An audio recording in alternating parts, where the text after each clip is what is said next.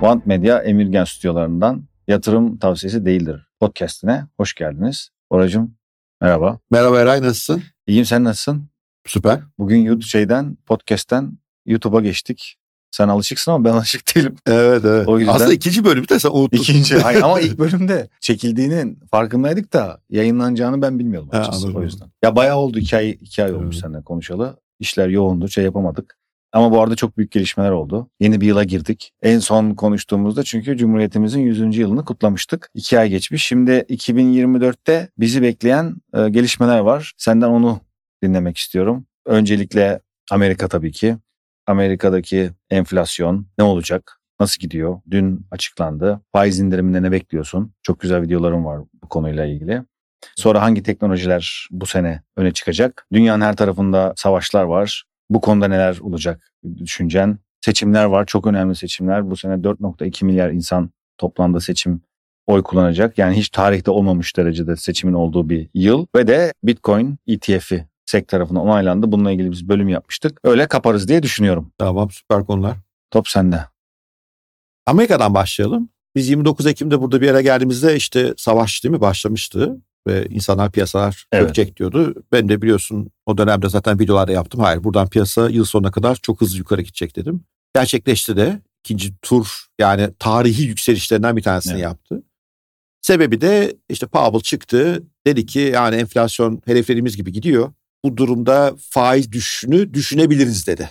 Zaten o yetti piyasalara. 6'ya yakın faiz düşüşü şu anda. 2024'te. 2024'te piyasalar öngörüyor. Hatta dün itibariyle 7'ye çıktı öngörü. Tabii FED bu konuda çok da net bir şey söylemedi şimdiye kadar. Fed'in kendi tahminlerinde 3 faiz inişi var. Onlar bir not analizi diye bir analiz sunuyorlar her toplantıdan sonra. İşte orada FED üyelerinin tahminlerine baktığımızda 3 indirimi var. Her biri 25 bas puanlık. 75 bas puana gelir. Piyasa ise 6-7 indirim görüyor. 1,5-2 puanlık neredeyse. Yani Ee, 25 bas puan dedin. Yani Fed esasında 0.75. 0.25'ler 3 kere indireceğim diye 0.75. Çok bir şey değil mi yani? E, etkisi olur ama yani o, o- orada duramazlar. Sebebini anlatacağım şimdi. Yani çünkü bu enflasyon konusunda insanlar detaylara bakmıyor. Biliyorsun ben her hafta yani her enflasyon raporu İnceliyorsun. yayınlanınca bir detay Excel raporu var. Orada bakıyorum. Mesela dün gelen rakamlarda manşet enflasyon beklenenin azıcık üstünde geldi. O yüzden bir anda böyle, Böyle bir Allah karıştı ortalık ve ben hemen o sırada video yaptım. Siz bu manşete bakmayın. Bir 2-3 saat sonra bunlar anlarlar. Anlarlar. Bu aslında çok iyi bir enflasyon verisi. Hı. Çünkü enflasyon verisinin hesaplanma mantığı bir tuhaf. Yani geçen senenin etkileri çok büyük. Geçen sene 2022 Aralık ayında enflasyon çok düşük. Düşük. Şimdi ondan biraz daha az düşük olduğu için matematik olarak yükselmiş gibi Ha, gözüküyor. Anladın mı? Böyle bir şey var. İkincisi detay kalemlere baktığın zaman sadece seninle ilgili bir sektör aslında otomobil sigortalarını dışarı çıkart. Çekirdek enflasyon %2,5 şu anda. Sadece onu çıkartman yetiyor.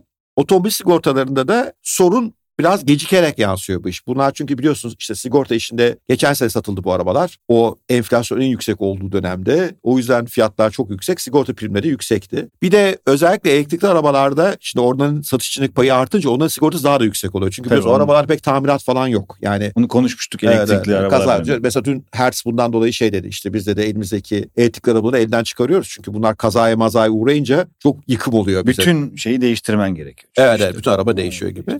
Bir de bu yani fosil yakıtlı arabalarda da işte yeni modellerde hep arabayı normal bir servise götüremeye diye uğraşıyorlar. Yani her şey çok karmaşık hale getiriliyor. Bunlardan dolayı sigortalar yüksek yani. Onu Yüksek. çıkarttığı zaman e, çekirdek enflasyon yüzde iki Bir de tabii sigorta şirketleri bu konuda Amerika'da da dünyanın hemen hemen her yerinde biraz çok yeni olduğu için korkuyorlar da o yüzden Evet, biraz marjı yüksek tutuyorlar. Yani Aynen öyle. bilinmezlik yüksek yani. Aynen. Belki iki sene sonra böyle olmayacak. Oluyor. Görülecek data yok yani şu anda. Evet evet. Şu an biraz herkes korkuyor. Onu çıkart. Çekirdek enflasyon iki buçuk. İki Fed'in buçuk. hedefinin altındayız. Yani Fed bu sene iki buçuk hedeflemiyordu. Hı hı. E, 3.2 hedefliyordu. Yani 16 inmiş durumdayız. E, şeye çok ciddi bakıyorsun. fark var. Tabii çok ciddi fark var.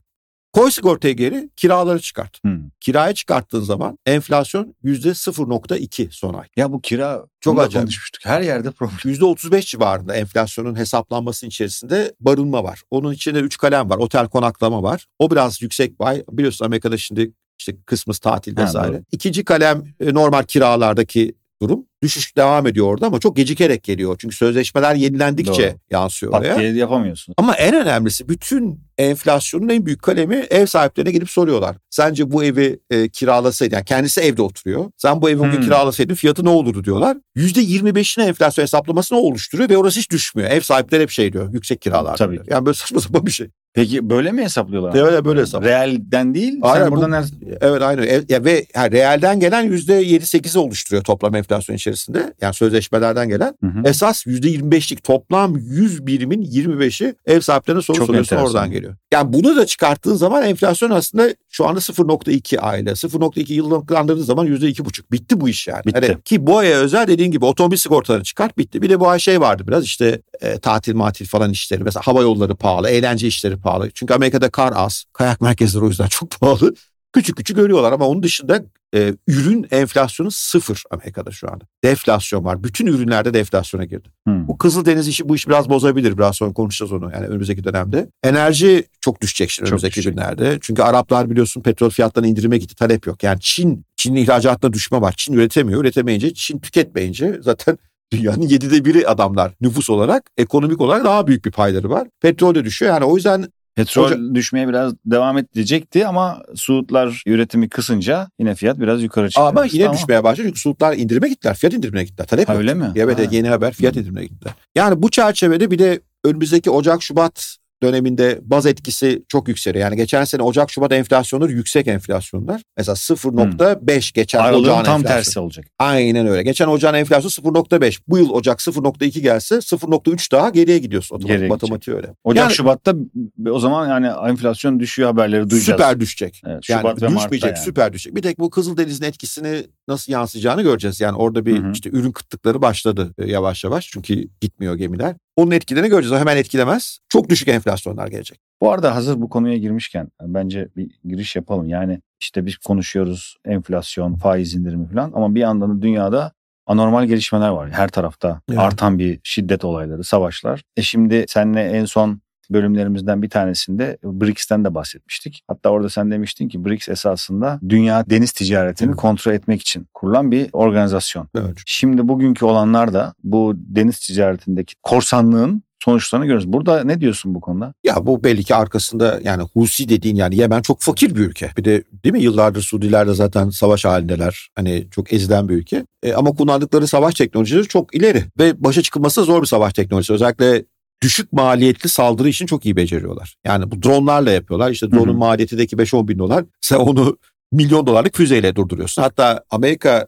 anladı bu işin maliyetini gitti Husilerle pazarlık etti. Doğru. biliyorsun. Evet. Dedi ki yani hani bu daha pahalıya gelecek bize. Kaç para istiyorsunuz falan. Husiler bir anlaşır gibi oldu. Bir sakinleşti ortalık. Sonra yine e, hareketlendiler. Muhtemelen ya anlaşmaya uymadılar ya da içlerine hakikaten bir kısmı bu işi dini gerekçeyle falan yapıyor. Bilmiyorum. İran balansı da var tabii. İran bağ- ya İran oraya tabii çok destek veriyor. Ve savaşması zor bir iş bu. Yani çünkü geniş bir alan aslında. Yani işte haritada bakınca dar bir yer gibi gözüküyor ama çok Tabii. geniş bir bölge. Bir de orada şey de var şu anda. Etiyopya ile Somali arasında bir savaş çıkması mümkün. Çünkü Somaliland diye küçük bir devletçik kuruldu orada. Hmm, Etiyopya Somaliland'in varlığını tanıdı. Hmm, Çünkü Etiyopya'nın denize olan ulaşımı oradan. hmm. Tek orası. Ama bu Somali'nin bölünmesi demek. Yani Tipik. e, yani orada başka bir şey daha var. Hemen karşılarında işte Yemen Husiler var ama bir yandan da e, bu tarafta da işte Eritre, Somali, işte Etiyopya falan hani o o, o körfez tıkanıyor yani. Evet sonuçta. evet. Yani zaten buradan hani bir daracık kanala gidiyorsun. Ne olur buradan? Yani sonuç bu. Ee, enflasyon yaratır tabii. yaratır. Enflasyon yaratır. Ürün enflasyonu yaratır. İşte dün itibariyle Tesla'nın Almanya fabrikası üretimi durduruyoruz dedi. Çünkü malzeme gelmiyor dedi. Bu malzemeler Çin'den mi geliyor esas? E, büyük bir or- oranda Çin'den, Çin'den geliyor tabii. Esas bu işin. Çin'den şeyden. E düşün işte elektrikli araba üretiyor. Zaten elektrikli arabanın bataryası her şey Çin'den Doğru. geliyor. Yani Çin'in dünyaya açılması engelleniyor. İşte o kuzeyden gidilebilir ama kuzey hala soğuk. Yani o işte Hmm. küresel ısınmayla kuzey denizleri eriyecek. Orada artık hani buz kırmadan da Hmm. ulaşım sağlanacak teorisi var biliyorsun. O daha çok. Ama daha var ona yani. O, o kadar ısınma o kadar hızlı gitmiyor. Yani Tabii esasında burası biraz Çin'in bu küçük bir kanal ama Çok e, önemli, çok Çin etkili. için çok ya önemli. 15 gün ekliyor galiba gemi başına ve şey navlunları da bir buçuk iki kat artırıyor. Şimdi yine işte şeye benzetiyorlardı bunu. Vasco da Gama Evet. e, şey bulurken e, Afrika'nın güneyinden geçip Hindistan'a Evet, giderken oradan. işte orada esas da Osmanlı kapatıyor Doğu Akdeniz'i.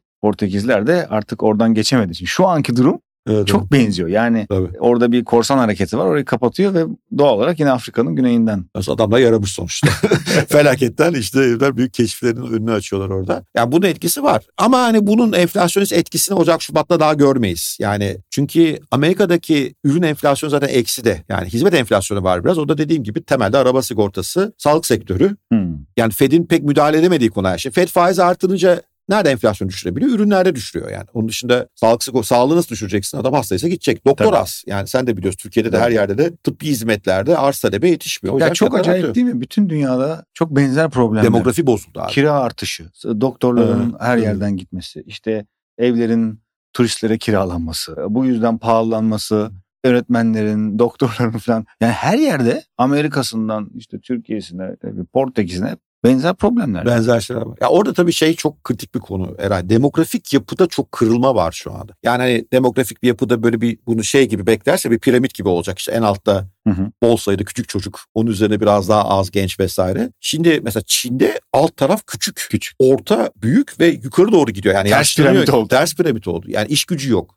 Çin'de. Dünyanın yani e, Hindistan'ı Hı. ve Afrika'yı bir kenara koyacak olursan ne her yerde artık o hiyerarşi yok. Mesela Amerika'nınki hala en iyisi. Ama onları da yetmediği için işte göçmenleri açıyorlar. Yani sürekli gö- Evet. Şimdi Amerika bugün vize almaya kalksan imkansız. Meksika'ya kadar gidebilirsen abi Oradan yürü. tak diye gidiyorsun ve yani hemen New York'ta otelleri kapatıp veriyorlar sana falan. Hatta dün öyle bir şey olmuş. değil mi? Evet evet dün yine öyle bir hikaye ve bunun arkasındaki temel sebeplerden bir tanesi bu demografi meselesi çözüyor. Çünkü hizmetler sektöründeki enflasyon öyle düşer. Bir de tabii hani biraz da oy satın almış oluyorsun Doğru. aslında yani. Hani Türkiye'de olduğu gibi. Çok benzer problem. Çok benzer evet aynen öyle. Ama bu demografik kırılma çok önemli mesela haline geliyor. Çünkü genç doktor yetiştiremiyorsun vesaire yapamıyorsun. Yani burada zaten aslında biraz sonra yine konuşuruz. Bu tip iş gücü daralmalarının olduğu dönemlerde teknoloji firmalarının değerleri patlamış. Çünkü teknoloji o iş gücü kıtlığını Verimliliği verimlilik de çözmeye çalışıyor. Yani o yüzden ona biraz sonra geleceğiz. Yani ben teknoloji Önemli tarafı şey. daha da önemli Evet. olacak. S&P 500'e baktığın zaman S&P 500 endeksine mesela böyle 20 yıl öncesine gittiğinde teknoloji şirketlerinin S&P 500'deki payı %20'lerde Hı hı. şu an %43 ve artıyor. Şeylere de e, FANG dediğimiz bu işte esas büyük yedi Büyükler. teknoloji firması onun payı %4-5'lerde şimdi gelmiş %22-%23'e. Uf. Yani e, neden? Çünkü Bu da tabii işte Facebook, İşte Microsoft, Apple, Google. Amazon, Google, Google. işte en, tabii Nvidia yani Tabii Nvidia en şimdi onun şeyi içine varla ve. Tesla. Yani Tesla bunun arasında şu an en zayıf ama yani o da onun için o 7'nin içerisinde. Ve bu verim meselesi çok kritik hale gelmeye Hı hı. başlıyor. E, bu verimi de teknoloji sağlayacaklar. O yüzden yani savaşlar bir yandan işte bu hafta sonu biliyorsun e, Tayvan'da seçim, Seçim var. var. Ve bu sefer Çin'e katılalımların diyenlerin oranı artacak gibi gözüküyor. Ama yine de kaybediyorlar seçimi. Yani anketler öyle gösteriyor en azından. Ama orada da bir gerilim artacak açıkçası. Yani hani e, katılım ama şey hiç beklemiyorum. Yani Çin öyle Tayvan'ı işgal falan. O bölge ya or- o aradaki deniz çok büyük bir deniz ve Çin'in çok güçlü savunma sistemleri var. Böyle, böyle çok dağlık bir ülke. Ya hani böyle şey oluyor ya bazen işte bu hafta sonu dört gemi gözüktü. Hı. Bu öyle değil. Yani Çin Tayvan'ı fethetmeye kalkarsa yapacağı yığınağı Mars'tan görürsün. Yani hani yani Normandiya'ya çıkartması falan bir düşün. Evet. Bu ondan çok daha zor bir çıkartma. Bir de e, Tayvan dediğin ülke e, TSMC'nin sahibi yani mikroçip teknoloji falan çok advanced bir ülke. Doğru. O yüzden Çin burada muhtemelen içerideki bu Çin İçeriden taraflarını bölmeye büyüte çalışacak. büyüte gidecek. Sonunda da. Eninde sonunda da başaracak. Yani ana vatana bir dönüş yani mean reversion deniyor buna. Sonunda Hmm. bir kökene dönersin yani. Hisse senetlerinde de öyledir. Dalgalanır dalgalanır onu bir ortaya doğru geri döner. O da yaşanacak diye düşünüyorum. Ama hani biz önümüzdeki 2-3 yıla bakacak olursak Amerika'da enflasyon düşecek. O da faizlerin mutlaka inmesini gerektiriyor. Bir de mesela istihdam verisi Amerika'da çok ilginç bir veri yine. Hani istihdam çok kuvvetli geliyor. Detayına bakıyorsun kuvvetli değil ama millet detayına pek bakmıyor. Çünkü mesela son İstihdamın kuvvetli gelmesi ne demek abi? Daha fazla yeni iş açılması yani. İnsanların işsiz kalmaması. Mesela bu yılın başında her işsiz insan için 1.9 açıkta pozisyon vardı. Yani Hı. acayip şey eleman attı azlığı var. Şimdi 1'e 1.4'e indi o. Yani her yeni e, iş arayan insan için piyasadaki iş sayısı 1.4. Bu kadar çok iş bulundu yani sonuçta. Bulundu, yerleştiler Yeni vesaire. Ama şimdi şirketler pek alamıyor artık eleman. Yani şirketler küçülmeye başladı. Zaten bu arada küçülme haberlerini duyuyorsun. Neden bizim için istihdam önemli? Çünkü istihdam kuvvetliyse insanlar para harcayabiliyor hı, kolay. hı hı. O da enflasyonu yükseltiyor teorisi var. Yani Evet, evet. o yüzden istihdam verisi geçen hafta Cuma günü geldi yüksek gelince piyasa böyle bir karıştı yine falan. Ama Orada bir acayiplik var yani istihdam güzel bir şey. tabii tabii. Biz piyasa eyvah biz iyi gidiyoruz. Evet, evet. Yani Ama bence bunların boş işler. Çünkü eninde sonunda yani istihdam enflasyon da yaratmıyor Amerika'da. Bir de öyle bir durum var. Çünkü e, istihdamın e, saat başına kazandığı para enflasyon altında büyüyor hala. Çünkü Evet. istihdamın yaratıldığı alan hizmet sektörü. Otel, restoran ve devlet, kamu. Yani onun dışında mesela Google falan eleman almıyor artık yani. Hani esas yüksek ücret ödeyenlerde Yani böyle enflasyon yaratacak bir... bir Evet, yok yok. iş bulma aktivitesi yok ortada. Yok ama işte ekonomistlerin hep böyle kafalarında bir ezber modeller var. İslam yükselirse enflasyon yükselir falan diye. Bu nedenle hani böyle bir özetleyecek olursam hani bu ilk 3 ayı zaten e, YouTube kanalımda da bunu söylemiştim. Böyle ben biraz çalkantılı bekliyorum. Hı hı. Yani bunlar hep konuşulacak. Zaten başladık işte. Her Evet, gün bu evet. konuşuluyor. Ama eninde sonunda Amerika'da enflasyon düşmeye devam ettiği sürece edecek. Faizler Faiz geriye gelecek. indirimi Faizler geriye gelince de daha riskli varlıklar dediğimiz yani faizin yüksek olmasından olumsuz etkilenen varlıklara e, para akmaya başlayacak. Ne demek istiyorum burada? Biliyorsun bir şirketin değerlemesinde en önemli model ileride yaratacağı nakit Hı hı. akışları bir iskonto oranına geriye çekiyorsun. Faiz yüksek olunca iskonto oranı yükseliyor. O yüzden de şirket değeri azalıyor. Şirketin yaratacağı para daha uzak yıllardaysa mesela Tesla'yı düşün. Yani Tesla'nın yaratacağı para daha da ileride Doğru. değil mi? Robot yapacak falan değerleniyor. E onlar azalmaya başlıyorlar. Yani geçen sene biz bunu yaşadık. Hı hı. Şimdi eğer bu Fed faiz indirimleri devreye girmeye başlarsa e, bu tip e, faizden olumsuz etkilenen hem değerleme itibariyle hem işleri itibariyle. Çünkü faiz yüksek olunca mesela Tesla araba satmakta da zorlanıyor Doğru. yani. İşleri kötü etkileniyor.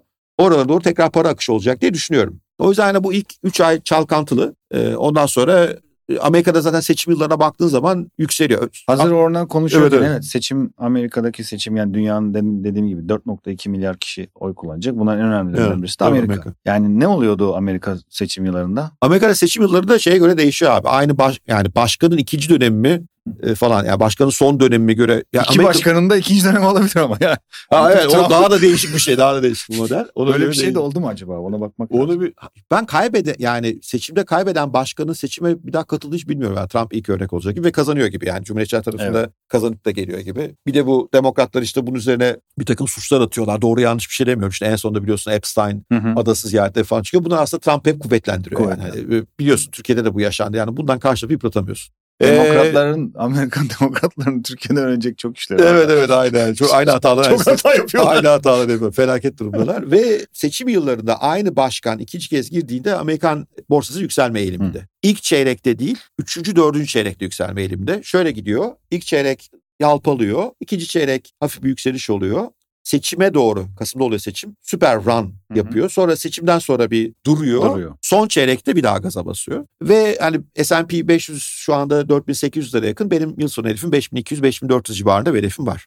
Peki Ama yani tabii yani geç, geçen de bir tweet attım bunda. Yani yıl başından yıl sonu tahmin yapmak o kadar zor bir şey. Tabii. O kadar çok şey değişiyor. Ama hani şey. genel akış bu çerçevede olacak diye tahmin ediyorum. Peki Trump özelinde yani tabii ki Trump bir figür ama Amerika'da e, Türkiye'ye benzer bir şekilde müthiş bir kırılım var. Yani toplumsal bir kutuplaşma mı diyoruz artık bölünme esasında. Bu artarak yani seçim yıllarında bir de böyle artış oluyor. Yani Amerika'da hani bunun daha evvel bu kadar yüksek yaşamamış. Bunun bir negatif etkisi olur mu sence? Ça- çatışma tartışma türü bir şey. Evet, yani çatışma tartışmanın ekonomiye Pek sanmıyorum ya. Pek sanmıyorum. Çünkü Yani zaten sonunda topa- şirketler kendileri gidiyorlar. Evet, eninde sonunda Hatta belki bundan faydalanıyorlar bile bu teknoloji şirketleri. Ya bir de bu sonuçta bu seçime katılanlar arkasında büyük lobiler yine şirketler. Onlar bir yere kadar izin veriyorlar o tartışmaya, çatışmaya falan. Ondan sonra müdahale oluyorlar. Yani Amerika o yönden enteresan bir ülke. Amerika'da şu an en önemli akımlardan bir tanesi üçüncü bir siyasi partiye çok ihtiyaç var. Doğru. Hep bu konuşuluyor. Çünkü şimdi Cumhuriyetçinin köklü Cumhuriyetçiler asla vazgeçmiyorlar. Cumhuriyetçilikten veya Trump'tan öyle söyleyeyim. Demokratlar öyle değil. Yani aynı buradaki işte CHP seçmeni gibi hani biraz daha sorgulama İyi birisi olsa e, yönü var ve sevmiyorlar Biden'ı. Yani Biden galiba Amerikan tarihinde en düşük e, onay alan başkan şu anda. Biraz yani bana aslında şey geliyor. Mesela ekonomi falan da fena yönetmedi aslında. Bir sürü şeyi de çok kötü yapmadı ama böyle bir antipatisi var. adamın. Gerçi kendi yani kendisi mi yönetiyor yoksa Evet o da, duruyor mu o da ayrı. tartışmalı bir şey. Yani büyük ihtimalle o yüzden Trump kazanacak gibi e, gözüküyor. Trump kazanınca ne olur? Valla orası biraz ilginç yani. Hani mesela göçmen politikasını çok köklü şekilde değiştireceği Hı hı. kesin. E, Trump Putin'le böyle bir savaşa asla girmezdi. Evet, o doğru. kesin. Yani oralar Pa- Trump iş adamı. Trump'ın e, başkanlık dönemi, son başkanlık dönemi Amerikan tarihinin en barışçıl dönemi. Doğru. Hiç çatışmaya girmediler. Yani hani böyle hep cumhuriyetçiler daha böyle e, vurdu mu oturtur falan havası var. Yasa demokratların dönemi. Tabii. Obama'nın döneminde Libya patlıyor. İşte Clinton'ın döneminde Sırbistan patlıyor. Yani çok büyük savaşlar onda işte Bush'un döneminde Irak var. Yani cumhuriyetçiler Boş tarafından. artık o zaten e, şeydi. Bu Yani- daha başka bir hikaye O belki. de. başka bir hikayeydi. O yüzden Trump muhtemelen ticarete bakacak yani. Trump iş adamı abi. Her şey pazarlık edilebilir diyor. Böyle çok şey de yok. Böyle hani böyle İşi ilkeleri, yani. prensipleri falan öyle bir şeyler olmayan bir adam. Bağlıyor. Gelir Putin abimi ararım ben falan. Bizde der. de Rahip Branson'da bayağı esas da bağladı yani işi. Evet evet. Yani bir tehditle bilmem şunla bununla Bir de Putin çıkardılar. çok güçlendi hocam. Yani Evet. benim mesela bu yıl yani geçen sene bana sorsaydın Putin kaybeden olacak diye iddia ederdim. Putin çok güçlendi. Evet. Çünkü Batı her şeyi yanlış yaptı. Yani madem bu Ukrayna'yı savaşa sokuyorsun ne var ne yok vereceksin silah. Ukrayna'da 500 bin kişi öldü abi. Nüfusları, demografileri kırıldı o insanların. E, Ekonomileri bitti. E, morali yok. Morali yok. Bu kuşatma savaşı. Toplam- Kuşattı bekliyor. Ee, Ukrayna'da şu anda kalan nüfusun yüzde 40-45 emekliler. Ya savaşta cephede asker var. Hı hı. Gerisi bir de göç etti. O da var. Ve yani Ukrayna gibi dev bir e, coğrafyada zaten nüfusu az bir ülke bu. Evet zaten az da. Ve doğru silah tutmuyor bunlar artık. Ve Rusya bence orada kazanan taraf şu anda. Kuşatmaya aldı. Hani eskiden şey savaşlar olmuş. 30 yıl bir Evet. kaleyi kuşatırlar. Ve yani İşte Rusya dayanır buna. dayanır. Ukrayna dayanır. Yani Rusya'nın doğal kaynağı yetiyor, gücü yetiyor. İnsan kaynağı. Bir var. de Batı işte çok iki yüzlü Bekliyor. davrandı. Yani buradan Putin'e ambargo koyuyorum diyor. Buradan aslında petrol ihracatında hiçbir Devam. düşme yok. Boracım ağzına sağlık. Çok teşekkür ederiz yorumların için. Sağ ol, sağ ol. Çok teşekkür Yatırım tavsiyesi değildir de 2024 yılını değerlendirmeye devam ediyoruz. Spotify ve YouTube'dan da bizi dinlemeye devam edebilirsiniz. İkinci ve üçüncü bölümlerle yakında yayında olacağız. Çok teşekkürler.